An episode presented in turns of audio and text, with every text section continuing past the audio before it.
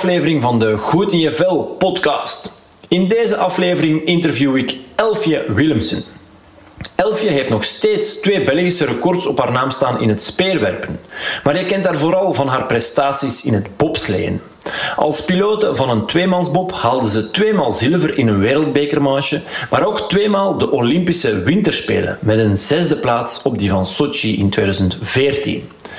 Ook in dit interview heel wat inspiratie om met voldoende goesting en energie door het leven te gaan en je goed in je eigen vel te voelen. Veel luisterplezier!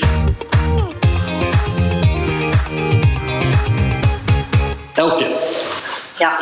Even vooruit, even vooruit spoelen om te kunnen terugkijken.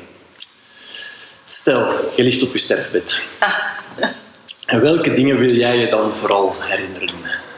Uh, ik wil me vooral amuseren. Ik wil niet op maandag al uitkijken naar vrijdag, naar het weekend. Ik, wil, ik doe zelfs niet meer aan weekends. Um, ik doe ook niet meer aan feestdagen. Voor mij is het gewoon elke dag mm -hmm. ja, werkendag, maar ik voel ook niet aan als werken. En dat wil ik eigenlijk houden de rest van mijn leven. Dat ik zo niet moet opkijken tegen de volgende dag om te moeten gaan werken. Okay. En ik wil dat behouden eigenlijk zo lang als dat kan, om uh, met plezier te doen wat ik doe. Oké, okay. en wat doe jij op dit moment? Want dat zullen velen misschien uh, niet uh, vertellen. Allee, okay, ik ken jou als, als ex-bobsleester, ex of Olympie, op de Olympische Spelen met de bobslee. maar dat weet misschien sommigen niet, ik weet het niet. Hè. dus voor degenen die jou nog niet kennen, vertel, wie is Elfje Willemsen? ja, ik heb inderdaad... Um, heel mijn leven topsport gedaan. Eerst atletiek. Um, in Speerwerp heb ik enkele jeugdkampioenschappen meegedaan en daar ik finales in gehaald. Ik heb nog altijd twee Belgische records ook op mijn naam staan van, uh, van een jeugdweekse. Um, en dan op mijn 22 ben ik geswitcht naar bobsleeën.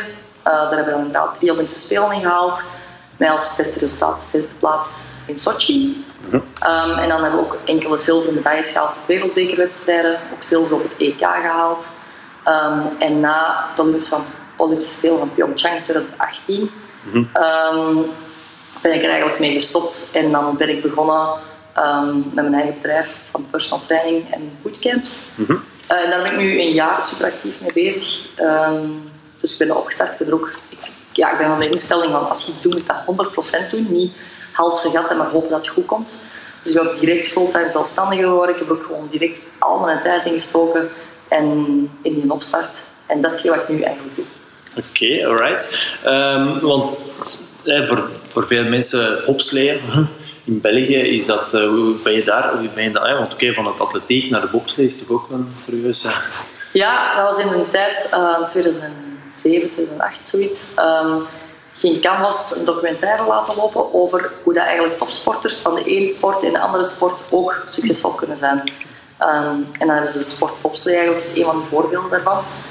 En Canvas ging een documentaire maken van verschillende topsporters uit andere sporten, die dan uiteindelijk um, in de bobslee stapten en daar ook succesvol in konden zijn, dus ook de spelen konden halen. Dus dat project heeft dan drie jaar gelopen. Um, en dat is succesvol geweest, tot we de Spelen gehaald. Um, en dus bij een zoektocht naar atleten zag ik dat verschijnen in de krant of op, radio of op tv. En op die moment was ik aan het zoeken met blessures aan mijn schouder, dus ik kon, kon eigenlijk niet meer speerwerpen. Dat was gedaan. Ik was ook geopereerd geweest, gerevalideerd, nog altijd pijn. Dus ik was echt in een sukkelstraatje. En op die moment kwam die oproep. En ik dacht, ja, ik ga dat gewoon één jaar doen, mijn gedachten van verzetten. En dan volgend jaar ga ik gewoon terug speerwerpen. En ik heb dat één jaar gedaan, ik vond het wel plezant. Dus dan is dat zo eigenlijk een beetje uit de hand gelopen. En zo zijn we aan dat lange verhaal, wat toch 13 jaar geduurd heeft, begonnen. Oké, okay, 13 jaar. En als je daarop terugkijkt, op die 13-jarige carrière als bobsleester of bobslee. Mm. Ja. Um, wat is dan, hè, want je hebt al een paar dingen aangehaald. Hè, de Olympische Spelen is natuurlijk mm. denk ik toch wel, um, maar dan zilver op een EK. Um, als je erop kan terugkijken, wat is dan het, het meest speciale moment? Dat is, uh... Ja, hetgeen dat ik nog altijd kippenvel aan krijg, is het eerste moment dat we zilver haalden op, op een wereldbekerwedstrijd. Dan stonden we echt naast de Olympische kampioenen op het podium. En wij hebben dan ook twee andere uh, teams verslaan die ook Olympische medailles haalden. En we hebben Duitsers verslaan op hun thuisbaan op die moment. Dus dat was voor ons echt zo'n moment van holy shit, we zijn erbij. En we hebben gewoon teams waar wij handtekeningen van vroegen of, of foto's van Ja, vroegen, die hebben die verslaan. En dat was echt als klein Belgelandje, zonder traditie zonder eigen. Ja. Ehm, dat was echt een bizar moment. Ja, Ja, beseffen dat je echt bij de wereldtop ineens ja toen waren we gewoon Ja, ja, ja. Ja. ja. Ja, want dat, het verhaal, eh, ik, ik weet niet of je de, de film hè, met de Jamaicanen, de film, daar doet mij dat ook, oké, het is toch wel iets anders, Jamaica of België, Ja. maar, maar toch doet mij daar toch ook wel op een of andere manier. En ik vind het wel grappig dat ze dan gewoon eigenlijk, dat het gekomen is door een oproep van een tv-programma, Mhm. dat daar dan toch echt, ja, dat jullie, ja, dat, het, dat jullie erin geslaagd zijn om... Ja, het onderscheid met Cool Running is eigenlijk dat we vanaf dag één zijn professioneel geweest. Dus dat was ondersteuning van de KU Leuven. Ook dat was een documentaire op Canvas, dus dat was echt wetenschappelijk onderbouwd. En doordat die documentaire op Canvas was, kwamen we ook ehm, geloofwaardig over naar het BUIC toe, naar sponsors toe. En daar hadden we ook gewoon sponsors vanaf jaar één, omdat ze wisten, ze zijn er serieus mee bezig. Ja, ja. En ah ja, omdat we het zo serieus hebben aangepakt vanaf dag één, wij moesten ook fulltime beschikbaar zijn, we mochten geen andere job hebben. Nee. Wij moesten altijd beschikbaar zijn voor het opzetteam. Ja, dan heb je wel een kans om dat te maken. Je kunt niet zomaar hier als toerist zeggen van oh, ik ga ook naar spelen. Eh, Dat gaat ook niet. We waren ook alle topsporters. We hadden al een heel grote trainingsload gehad in onze, in onze jeugdjaren eigenlijk. En dan kunnen we die transitie maken en succesvol zijn. Ja. Dus mensen denken, oh ja, dat is wel heel gemakkelijk om te spelen te hebben. Maar omdat wij heel professioneel Denk gewerkt hebben inderdaad. En, en vanaf dag één er 100% voor gegaan zijn. Mhm. Ja. Ehm, en ook al topatleten van andere sporten waren, dan, dan is dat al waar. Ja, ja. Het is niet dat inderdaad zomaar iedereen gewoon, eh, oh, we gaan er iets doen. Nee, nee, nee. Dat, dat, dat zeg ik ook niet trouwens. eh, allee, ik wil zeker geen afbreuk doen aan, aan jullie eh, schitterende prestaties, sowieso niet. Ehm, maar zo- eh, je noemt bijvoorbeeld, oké, we hadden wel ondersteuning, maar zo... Ja, sponsors, je geeft het wel aan. Was dat, was dat iets dat voor jullie ook geregeld werd? Of, was dat ook iets waar je dan op zichzelf mee moest bezig zijn? Want ik kan me... voor- ja, Ja, die, eerste drie jaren waren eigenlijk vrij gemakkelijk. Hè. Hadden we een manager die zijn job goed deed. We hadden sponsors, alles was geregeld. We, we konden eigenlijk alle wedstrijden die we moesten doen. Maar dan na Vancouver is dat programma weggevallen, documentaire. En dat zijn eigenlijk de moeilijkste jaren geweest. Zo de weg van Vancouver naar Sochi toe, die vier jaren. We kwamen niet meer op tv. ehm, we hadden ineens geen sponsors meer. Ehm, en dan is dat gewoon knokken om, om rond te komen. We hebben ook gewoon met, met vier op een tweepersoonskamer gelegen. We sliepen in, in de goedkoopste appartementjes. We moesten natuurlijk zelf ook, we hadden geen kine mee. We hadden pas een kine na, na zeven jaar bobslee. Pas nadat ik twee keer de spelen had gehaald, pas toen kregen we een kine. Dus allee, die, het zijn ook moeilijke jaren geweest. En vooral die, die tussenjaren hè, van de Olympische Spelen. Als, als de Ja, ja. zomerspelen geweest zijn en de volgende focus is weer winterspelen, dan is dat weer een iets gemakkelijker jaar. Ja. Maar die twee jaren tussen winterspelen en zomerspelen is altijd heel moeilijk, omdat dan alle sponsors zich focussen op zomerspelen en wij een beetje om achtergrond verdwijnen. Dus daarom is dat belangrijk om in die jaren net resultaten te halen, dat je wel buiten kunt komen. ja, ja, ja. En dan, dan is dat in de wereldbeker. In de eh, wereldbeker of, of Ja. EK's, week. We hebben ook elk jaar een WK, dus Ja. op die momenten ja, is dat belangrijk om te komen. Dus eh, je zegt hè, na Vancouver tot naar Sochi toe eh, is het eigenlijk het moeilijkste moment geweest. En dan hebben jullie blijkbaar hè, toch wel op de Olympische Spelen jullie beste prestatie in Sochi geleverd. Dus dat is toch ook wel eigenlijk geweldig. Dat je, allee, ik weet niet hoe je daarop Mm. terugkijkt. En, Ja, ik weet echt letterlijk één jaar voor die Spelen van Sochi ehm, dat echt mensen zeiden, we zitten met ons handen in het haar, dat gaat nooit goed komen. Ik weet niet waarom ik moet investeren in jullie. En dan één jaar later worden we zes op te spelen, dat ik denk van, eat this shit. in, in sport kan, kan er zoveel zo snel veranderen. Uh-huh. En, en als atleet ook, op het moment dat je stopt geloven in jezelf, wie gaat er dan nog geloven? Waarom zou een sponsor geloven in je? Mhm. Dus je moet altijd gewoon blijven geloven in jezelf. Ja. En eh, dat is ook wel moeilijk in de jaren dat je altijd... Hè, we werden dan laatste, voorlaatste. eh, we werden dan een keer zestiende. Eigenlijk we waren altijd de laatste helft. En dan, het jaar van de Spelen van Sochi, hebben we een nieuwe slee gekregen, Spanky. Ja. En dat was dan een, eindelijk een slee van wereldniveau, Mhm. waar dat we eindelijk mee kon- konden concurreren met, met de tegenstanders. En dat was gewoon het bewijs van, van materiaal is gewoon zo belangrijk in deze sport. Ja. En ineens leden we constant top 10 oké, ja. op één jaar tijd. Dus ja, Dus dat niks met jullie capaciteit, met jullie totaal ja, niet. Ja, Hanna Mari Ja. heeft ook natuurlijk ons, lever, ons eh, team Versterkt. bij aangesloten. Ja.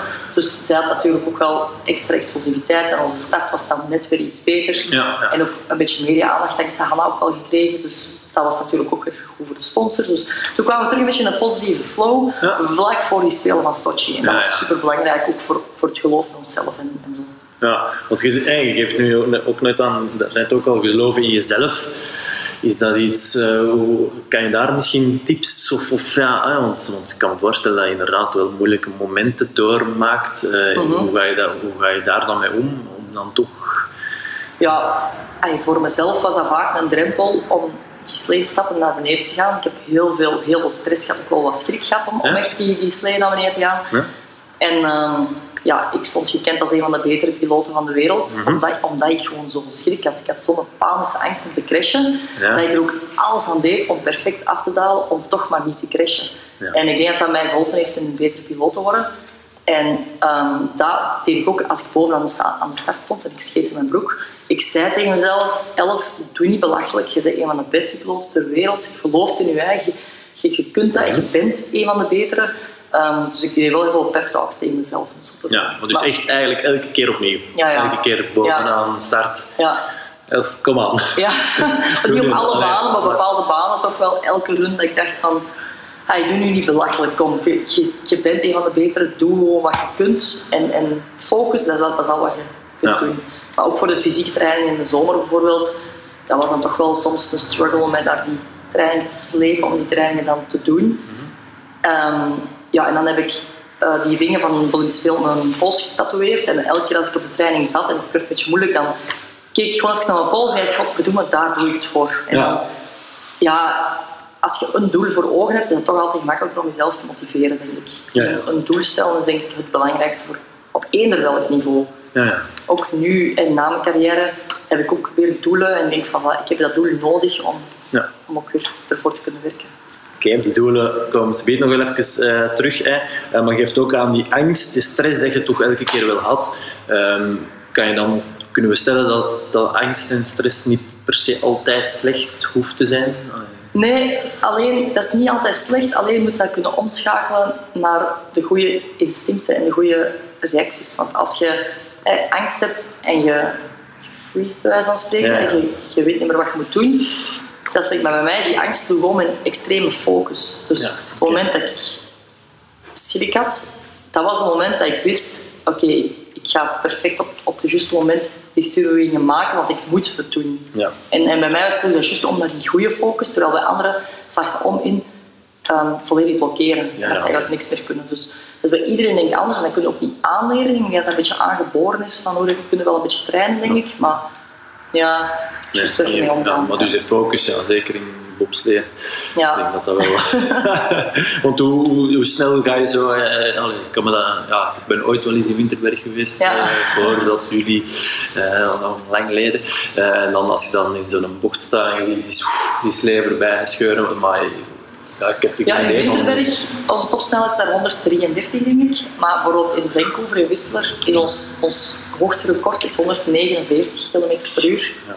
Maar gemiddeld gaat het tussen 120 en 130 meestal. Oh ja, oké, okay, oh, ja, maar dat is nog altijd, oké, okay, 149, ja, dat is zo'n bobke. Dat is twee uurtjes, hè? Ja, het is twee uur. Je gaat tegen de grond en zonder ja. schokdemping of niks, dus het is gewoon ijzer op ijs eigenlijk. Ja, ja dat is toch, ja. ja. in, weet, in het begin gaat het vertrekken van een lagere start en dan gaat het misschien 80 of 90 Ja, ja. per uur en dat voelt al veel te snel aan. Ja. Maar door zoveel afdaling te doen, vertraagt dat een klein beetje in je hersenen en in je beeld. En eigenlijk op het einde, dat voelde voor mij soms traag aan. Ja. Maar dat steekt je volledig alles controle hebt. Als Ja, iets fout gaat, dan wordt alles hectisch en dan Ja, ja. wordt een grote chaos. Maar als je op die goede lijn zit en je zit in je flow, dan Mhm. vertraagt gewoon alles. Ja. Dus controle is toch ook wel Ja. een belangrijke. Hè? Heb, je, heb je ooit het gevoel gehad van, oh, allee, waarschijnlijk ja, in het begin wel wat, maar van controle niet te hebben? Ik weet niet. Ja, dat, dat gebeurt regelmatig. Hè. Ja. Ik ben, ben ook, ehm, in, in die 13 jaar ben ik 10 keer gecrashed. Wat super weinig is, want de Ja. meeste crashen ongeveer 4, 5 keer per jaar ongeveer. Ja. Dus, ehm, en, en weet je, dat is zoals als je ooit een on- auto-ongeval of zo hebt gehad, of met een fiets gevallen bent, die een milliseconde voordat je valt. Dat is het vies. Ja. Op het moment dat je denkt van, het is naar de klote. Beseft, ja. En dan, krijg je zelf, dat zeer. En je hebt blauwe plekken, je, je krijgt een klap op je kop. Dat doet zeer. De volgende dag staat er vol blauwe plekken. Maar dat is peanuts vergeleken met die, met die impact dat je eigenlijk op je emotie zet, die milliseconden van ervoor.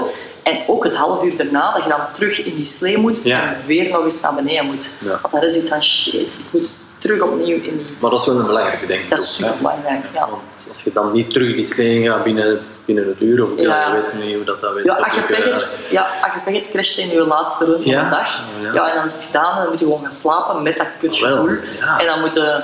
En daar is echt nooit geen enkele mogelijkheid om, om echt gewoon te zeggen, oh mama, eh, ik ga niet zo in mijn bed in, Nee. ik wil nog gewoon echt eens... Je hebt een eh, aantal runs, meestal twee of drie runs per dag. En dan... En als je uur op is, is je uur op. Dus dan, that's it. Je kunt geen tien runs per dag ook niet doen. Twee of drie, op sommige banen waar het iets rustiger is, kan je wel vier of vijf doen. Maar omdat die focus zo extreem hoog is, Ja. en ook de impact op je lichaam is wel, ook wel redelijk zwaar, Ja, ehm, is dat wel echt de max. ja, ja oké. Dus echt mentaal en fysiek Ja. gewoon niet mogelijk om... Nee. Ja, misschien op, op, in Winterberg hebben jullie Ja, in Witberg kan ik wel mee, vijf van ons goed doen, ja. Dat Met je mijn daar gewoon... Ja, dat ben al met je ogen dicht, omdat je daar bent. Ja, oké. Ja. Ook omdat het een heel rustige baan is. Dat is niet zo... Die impacten zijn. Die G-krachten vallen ook wel best mee en zo. Ja. ja. Want, want die G-kracht is, is effectief, ja, ze spreken hè, over Formule 1 is vaak zo, hè, Mm. maar ja, ik weet het niet. Kun je het, is het, ja, je kunt het, niet kun je het vergelijken met Formule 1? Nou, dat is heel Ja. G-kracht eh, in, de- in de motorsport. Allee, weet je Ja, wel, ja, ja. Dat, dat is echt wel... eh, Ja, dus het is een beetje anders. Ja, Ik weet het, ah, ik kan ja. niet zo, wow, ja, de mensen zien nu niet, maar zo, dat je zo, allee, dat je, ja, bij wijze van spreken... Zoals in, een- in een Formule 1 of in een auto, je dan zij, G-kracht. Ja. Je blijft altijd Ja, met je wiel op de grond staan en die, en die vloer blijft waar, ah, gewoon evenwijdig, ja. horizontaal. Maar onze muren gaan verticaal. Dus op het moment dat wij van horizontaal naar verticaal switchen, krijgen we een zijwaartse klap. Maar dan worden wij ook gewoon eigenlijk in de grond geboord, bij wijze van spreken. En als je op die moment uitademt, krijg je geen lucht naar binnen. Echt? dus dan moet je echt je adem even blokkeren en eigenlijk alles opspannen. Oké, Brace gelijk voor een squat Ja, eigenlijk. ja, ja. Dat moet je dan net doen. oké. Ehm, en dat duurt dan een milliseconde, dus een fractie van een seconde. En in de reglementen staat dat ook niet meer mag zijn dan 6 of 7 G in een bobsleebaan. Dus tot 5,5 G gaan we wel. Uh-huh. En als je, dan voel je echt precies je maag en je ingewanden echt gewoon naar beneden duwen. En zelfs je kaken voelen echt Ja. zo naar beneden trekken. Ja, Ja. serieus, oké. En dat is het gevoel van die G-kracht dat wij hebben. Ja. Zoals ja, je zegt in een rollercoaster, dat zijn eigenlijk omgekeerd. En dan voel je precies die kriebels in je buik, Ja. dat je zweeft. Ja. Maar dat is het feit dat dat ding naar beneden valt en jij blijft boven. Maar wij hebben het omgekeerd. Wij worden naar beneden geduwd. Ja. Dus wij worden echt in, in elkaar geduwd eigenlijk. Oké. Dus is dat zo, is, kunnen we, ik weet het niet, het lijkt mij niet zo gezond. ja, ik weet het niet, ja, het is wat, ja, al die gewanden, ja. Dat is niet heel, niet heel gezond. Maar Ah. dat bobslee zelf, dat is oké. Je krijgt klappen tegen je kop. Ehm, je krijgt die G-kracht op je ruggenwervel en zo. Maar daarvan ben ik redelijk fit gebleven. Ja. Het zijn gewoon die super zware krachttrainingen dat wij Ja. zo lang gedaan hebben. Ja. Heel zware squats, heel zware deadlifts. ehm, echt zware, zware gewichten. En daarvan zijn mij, is alles versleten van mij. Ja, Ja. Mijn knieën, mijn heupen, mijn rug. oké. Mijn schouder ook nog van dat sfeerwerk daarvoor. Dus er zijn weinig dagen dat ik geen pijn heb. Is dat. Ja. ja. Maar dan klopt dat. Allee, ze zeggen dat vaak, hè, topsport, sporten is goed. En, en, allee, hè, en, maar topsport is, is gewoon behalve gezond. En je bent er dus blijkbaar wel een, Klopt, ja. goed voorbeeld van. Ja. eh, dus elke dag pijn. En, en hoe ga je daar? Want ja, ik kan me voorstellen, allee, wat, wat mensen hebben wel wat pijn. Hoe, hoe ga je daarmee om? Ja, ben jij iemand die dan maar gewoon de hele dag aan de pijnstillers gaat? Of, Nee, eh, ik- Ja. Ja. ik probeer zoveel mogelijk inderdaad te vermijden. Maar ik weet het voordeel ook van die topsport. Je herkent je lichaam wel heel goed. Ja. En ik weet heel goed... ehm, ik herken de pijnen waar ik echt wel een ontstekingsremmer voor moet pakken. Mhm. Ja, ja. En dat ik dan drie dagen ontstekingsremmers pak, dat dat weer beter is. Mhm. Want Ja. ik herken ook de pijn en ik denk van ja, daar valt niks aan te doen. Moet ik gewoon even doorbijten. Ehm, en ik weet ook zelf van ik moet die en die en die oefeningen doen, ook preventief voor. Nee. Ik heb ook twee hernia's bijvoorbeeld en dan denk ik van als ik die oefeningen niet doe, dan heb ik inderdaad elk half jaar een verschot. Maar als ik mijn oefeningen goed doe, dan Ja. valt het eigenlijk best mee te leven. Ah, Dan, dan heb ik zoveel last van. Nee. Hetzelfde met, met die heupen ook. Ja, ik weet welke stretchingoefeningen ik constant moet doen om die flexibel te houden en om die, die pijn wat te ontlasten. Maar daarin ook, ik zeg ook tegen heel veel klanten van mij, bewegen is zo belangrijk.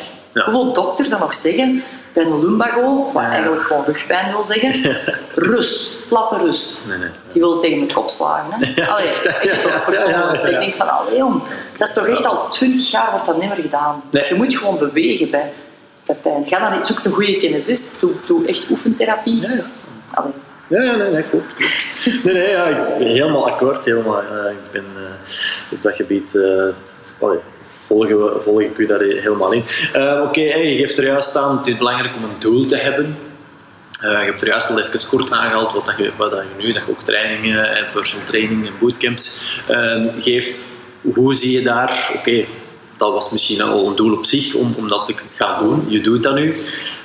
Maar heb jij daar ook op dit moment nog iets dat je zegt, ah wel, uh, ja, je hebt binnenkort de opening van je eigen, van je eigen trainingsstudio. Ja. Of, doel op zich, allee, dat Ja. zal wel een doel geweest zijn, maar is er zo nog iets wat je zegt, ja, Ja, ik had, ik had mijn doel inderdaad opgeschreven vorig jaar toen ik begon. Ik heb ook carrièrebegeleiding gekregen, dankzij eh, Sport Vlaanderen en BUC dan. Ja. En die gaven mij ook tips van, eh, blijf je doelen opschrijven. Mhm. En een van mijn doelen was eh, binnen het jaar fulltime zelfstandige zijn. Ja. Dat is dan binnen twee of drie maanden al gebeurd.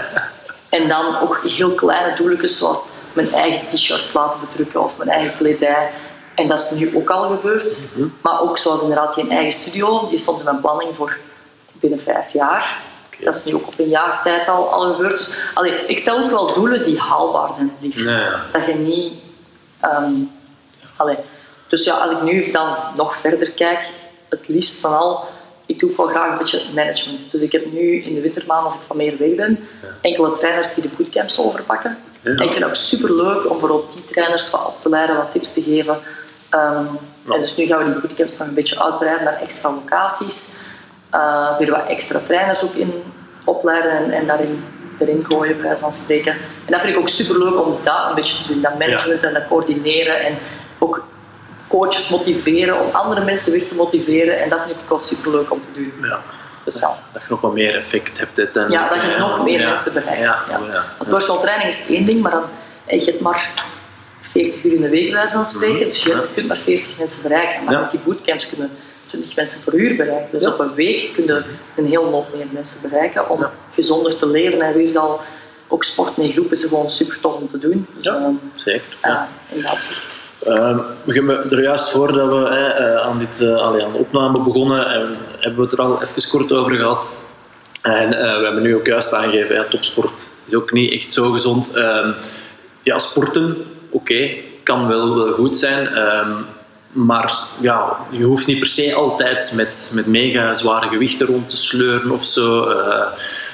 dus ja, was, in jouw opinie, wat is er nog belangrijk? Wat, wat, als, ja, als je mensen begeleidt, oké, dat zal in eerste instantie misschien op sportgebied zijn, maar ik kan me perfect voorstellen ja, dat je toch ook wel vanuit je, jouw ervaring nog wel heel wat tips kan meegeven aan mensen, meegeeft aan mensen. Ja, dus, dat scheelt inderdaad een beetje van, van klant tot klant. Hè. De, de ene komt echt voor een uur af te zien en die wil zweten ten proef met in buiten gaan. En er zijn ook andere mensen die meer nood hebben aan inderdaad die persoonlijke babbel en, en tips en tricks voor hun eigen doelen te bereiken. En dat die rustperiodes en niet afgemeten twee minuten zijn, maar dat dat wel eens drie of vier minuten kan zijn, omdat je ondertussen ook inderdaad een babbeltje doet. En dat hoort inderdaad, zoals ik zei, ook een beetje bij die coaching in ehm, het geheelplaatje van het welzijn van de mens. Niet puur van, oh, ik wil vijf kilo meer kunnen opheffen, maar meer om, ik wil me goed mijn vel voelen, ik wil op de juiste manier leren bewegen, ik wil pijnvrij mijn leven doorgaan en, en dat is voor mij belangrijk. Ja, en, en wat tips zijn er allee, voor die, jij zelf toepast, inderdaad, misschien rond, ja, ik weet het niet, eh, als, ik- als ik denk aan, aan, aan de mensen die ik begeleid, rond, rond voeding, eh, rond, rond het slaap, ademhaling, dat zijn wel dingen, ik weet niet, zijn er zo echt dingen dat je zegt van, ah, wel, ja, dat is voor mij toch wel echt iets heel belangrijk, dat is voor mij een stokpaardje of, of allee, ja, dat, dat vind ik wel belangrijk om dat echt gewoon, maar dat ook al komen ze misschien vooral toch voor het trainen, maar ik wil dat er toch maar even wel gezegd hebben, want het is toch gewoon belangrijk. Allee, ja. Ja, veel, veel mensen onderschatten slapen. Ja. Er zijn heel veel mensen die zeggen, oh, ik kom toe met vijf, zes uur slaap per, per, per nacht. En dat is, dat is gewoon niet waar. Allee, Nee. dat klopt. er zijn heel veel onderzoeken geweest. Een normale mens heeft gewoon minimum 7 uur en een half, 8 uur, 8 uur en een half slaap nodig. En je kunt dat inderdaad wel een krediet opbouwen, Ja, ja. maar dat is zoals met een visakaart. Als stoppen ze stop. Ja. En je moet er nadien interest op betalen. En zoals koffie of cafeïne, je kunt inderdaad wel proberen je slaap uit te rekken, maar weer net hetzelfde. Slaap is zo belangrijk voor je energieniveau, voor je welvoelen. Ook als je moe bent, je gaat meer ongezonde, je gaat meer suiker eten, want je hebt van, ik heb energie nodig. Tuurlijk, ja. Dus slaap is zo belangrijk en dat probeer ik wel aan iedereen uh, mee te geven. Ja. Ik vraag ook vaak, hè, en waar je geslapen of uh, hoe je de voorbije nachten geweest? Maar Ja, maar gewoon al die vraag stellen, dat ze daar misschien gewoon al iets bij, bewust bij zijn, aan ja. denken van, oh, heb ik goed geslapen? Want veel mensen zijn er gewoon vaak niet. Ehm, ja, je geeft aan, ik weet niet hoe dat je daar... Eh, Oké, als je moe bent, ga je misschien sneller naar cafeïne, eh, naar koffie, maar ook naar suiker grijpen. Is dat, hoe sta jij daar tegenover? Als topsporter denk ik dat je wel weet dat suikers, koolhydraten best wel belangrijk zijn Mhm. voor, voor je lichaam. Maar de dag van vandaag leeft dat toch wel heel Mhm. erg zo. Hè? Hoe, hoe eh, mogen we mogen geen suiker of geen koolhydraten Ja, ja. eten? Eh, ik weet niet, ja, hoe, allee, ja, voor de luisteraar, laat ons zeggen, is daar iets dat je daarover kan zeggen? Allee, dat je zegt van... Ja, ik zeg ook altijd, ik ben geen diëtist en ik werk ook samen met diëtisten voor die dingen. Maar ja, mijn ervaring in de sport ook inderdaad. ehm, wij moesten gewicht verliezen, we moesten echt op ons gewicht letten. En dan heb ik wel twee, drie jaar gewoon zonder koolhydraten geleefd. Ja? Ook met die zware trainingen. Oké. ja. En ik haalde mijn koolhydraten uit de groenten die ik had. Er zitten Ja. ook koolhydraten in. Ook heel beperkt, maar er zit wel de koolhydraten in die ik nodig had. En zo heb ik twee, drie jaar eigenlijk die medailles gehaald. En zo hebben wij eigenlijk de beste prestaties gehaald. Ik denk niet dat dat haalbaar is om dat om 10 of 15 jaar te beleven. Ja. Maar op die moment, ik had ook superveel energie. Ehm, ik kon precies blijven gaan. Ik was ook super sterk, Ja. omdat ik natuurlijk heel veel proteïne had en heel veel eiwitten had. Ehm, ja, en ook qua, qua energieniveau. De eerste twee weken was ik echt super moe als ik ermee begon. Maar dan aan de tijd was ik echt super sterk en ik verloor gewoon gigantisch veel gewicht. en gigantisch veel vetmassa. Dus Ja. ehm, voor mij is dat wel succesvol geweest, maar nu in het normale leven, Ja. ik eet ook gewoon graag pasta. Ik eet super graag een pizza, Ja. uh, steaks met frietjes, bangelijk. Dus ik probeer s'avonds mijn kolen, ik eet geen aardappel bijvoorbeeld, ik eet dat gewoon niet graag, dus waarom zou ik het doen? Ehm, dus ik vind zo het menselijke is ook wel fijn in voeding. Zo super extreem in dingen gaan, dat vind ik altijd een beetje gevaarlijk. Ja. Dus dan gewoon het, het menselijke is een frietje eten, s'avonds is een chipsje eten. Als dat niet elke, elke twee dagen is, Nee, nee. kan dat op zich ook geen, geen kwaad, denk ik. Nee, nee, right. Oké, ja. Daar ben ik het ook helemaal mee akkoord. ja. Ehm, Oké, goed. Ehm, is er nog iets dat ik ehm, jou niet heb gevraagd, maar dat je zegt, "Free, dat had ik mij eigenlijk wel moeten vragen? Of. Nee? Nee, nee, ja. Nee, eigenlijk niet. Nee. Nee, niet per se. Dat je, of, of nog de ultieme tip voor mensen die, ehm, die luisteren, dat je zegt, ja, je hebt juist al aangegeven, inderdaad, die slaap is echt gewoon immens belangrijk. Eh, Ja, en vooral, zeg gelukkig wat je doet. Dat ah, wel, even zeggen. Dus, Ah, wel. ik ben, Ja.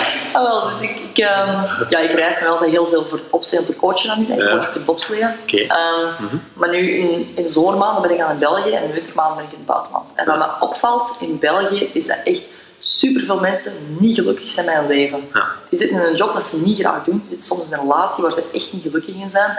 En dan denk ik van, je hebt in België vooral alle kansen om te wisselen. Hè. Kies een knelpuntberoep, ze betalen heel je studies. Je krijgt zelfs nog een maanduitkering. Dus in België heb je alle kansen van de wereld om te doen wat je graag doet. Dus waarom ze er 40 jaar tegen je goesting werken? en ik vind dat er heel veel mensen in België een beetje verzuurd zijn. En als ik zeg van, ah ja, goed, straks ga lesgeven. En de andere mensen zeggen, oh, garme. Dan denk ik van, Ja. nee, want ik doe dat, ik doe dat graag. Ja, ja, ja. ja. ja, ja werken. Oh, nee, ik moet gaan werken. Wat Ja, je in het begin al aangaf, hè, van, dat je werken niet als werken hoeft te zien. Als je Ik iets... ook niet werken. Ik Nee, ga ja, lesgeven, ik ga coachen, ik ga Ja. niet werken. Nee, nee. Allee, dus, allee, en oké, misschien, ik ben er nog nieuw in, ik ben nog maar een jaar bezig. En dat, is, dat is gemakkelijk voor mensen Ja, ja. om te zeggen. Ja, ja. Oké, maar als ik het niet meer leuk vind, ga ik iets anders doen. Ja, ja. ja. Allee, en, die, en die luxe zijn er in België. We hebben zo'n goed sociaal systeem dat je altijd wel op Zwaar. iets kunt terugvallen. Ja, ik denk sowieso, oké, is inderdaad, die ondersteuning vanuit de overheid, hè, ons sociaal stel- stelsel in België is, is daar ja, geweldig in. Alleen dat is misschien zelfs over de top. En, ja, misschien, hè, maar goed, eh, dat even in het midden laten. Maar, maar ja, goed, ik vind, het, ik vind het een bevrijdende gedachte dat je iets, altijd als mens de keuze hebt. En daarin te voelen van, oké, ja, te luisteren ook een stukje weer naar je lichaam, wat jij er straks ook al aangaf, maar dan meer op fysiek. Maar hier echt gewoon van, voelt dit nog wel goed aan? Indien niet, ja goed, dan kies dan voor iets anders. En gewoon het feit dat je de keuze hebt, is, vind ik wel echt, ja, geeft ergens een zekere vrijheid ook wel. Allee, ik denk eh, dat dat... Ja, allee. Er zijn meer ook echt vrienden van mij, mijn leeftijd, die zitten met een burn-out. hè, vijf- 30, 35 jaar. Die zijn nog nog maar 10 jaar aan het werken. Ja. Allee, dat is toch super jammer dat dat 10, 15 jaar aan het werken. En dan denk ik, oh, arme. Dan denk ik, oh, arme Ja, ja, ja. In plaats van, oh, ik moet straks mag ik nog een trainingsgeven geven. Ja, dat, Ja. ja. En, en dat, dat is wel gigantisch. Vroeger was het rond je 45, 50 dat je misschien dacht van, Ja. hoe moet ik eens iets anders gaan doen? Ja. Nu begint dat vroeger en vroeger allemaal te komen. Is een beetje zorgwekkend, vind ik. Ja, maar denk ook niet dat dat te maken heeft, eh, ik weet niet hoe dat jij dat ervaart, maar eigenlijk ook als je je, eigen business aan het opstarten bent, de social media en zo, dat er allemaal bij komt. eh, ja, de dag van vandaag, we hebben echt wel gewoon...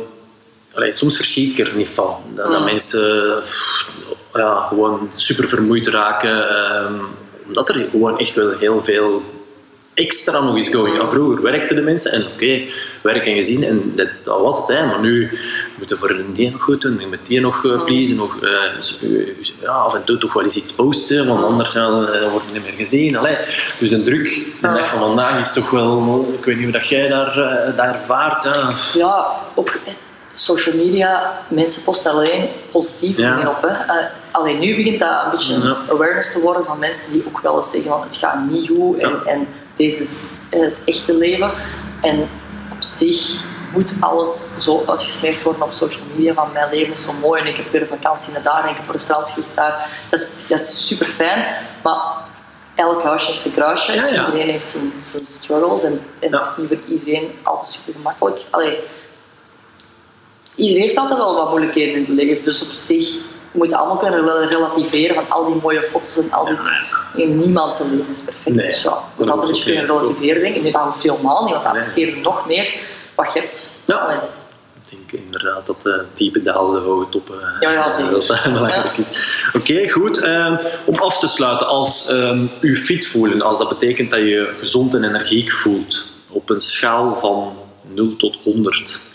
Als ik vraag aan Elfje, hoe eh, fit voel jij je op dit moment? Ehm, nee, Ja, vandaag of... eh, nee, algemeen. Dus, ja, misschien eh, gisteren eh, later. ja, Eh, ik zit nu een beetje minder om... ja, ik, denk, ik denk echt maar ehm, ja, 70, 70 procent of zo. Zoiets. Ja, en- Een hele, hele drukke winter gehad en zelf gewoon minder tijd voor te sporten deze winter. Mhm. Omdat ik vaak in de bergen zat en dan heb je gewoon niet de mogelijkheid. Je kunt geen toer gaan joggen in de Nee, bergen. nee, Dat- dat is gewoon dat- wat moeilijker. ja. Ja. En de fitness is daar wel, maar dat zijn ook altijd heel beperkte dingen. Dus ik heb dan in mijn hotelkamer wel, wel wat gedaan en zo. Ehm, maar dat is een klein beetje minder geweest, omdat het ook zo druk is geweest. Mhm. Maar dan merk ik altijd in de zomermaanden kan ik die wel wat meer tijd voor mezelf inbouwen. En, Ja. en ik heb dat ook wel nodig. Want ik voel ook wel als ik zo'n paar maanden te weinig... Dan, ik, als ik drie keer in de week sport, is het voor mijn gevoel te weinig. Ja, dus ja, Ja. dan... ehm, ja, ja. En dat maakt dat je nu wat minder... ja, ja, zeker. Ja. Het- ja, inderdaad. Ja. Oké, alright. Nee, goed, dat kunnen we de only way is up, hè. dat kan Ja. allemaal toch verbeteren. Daarom, hè, de zon komt eraan. Het is dat mee, het is dat mee. Nee, goed, ehm, alright, dan wil ik u eh, heel hard bedanken voor eh, dit aangename gesprek. En dan eh, ja, veel succes met alles wat je nog eh, gaat ondernemen. Ja, merci. We horen het wel. Goed, merci. Top, dankjewel. Ziezo, hopelijk heb ook jij weer al heel wat opgestoken uit dit interview met Elfje. De volgende aflevering is een interview met Belle Perez. Deze zangeres met Spaanse roots vertelt met veel enthousiasme en passie over haar levensloop. Wil je op de hoogte gehouden worden als ik een nieuw interview upload? Abonneer je dan even op deze podcast en laat je verder inspireren om je goed in jouw vel te voelen. Tot snel!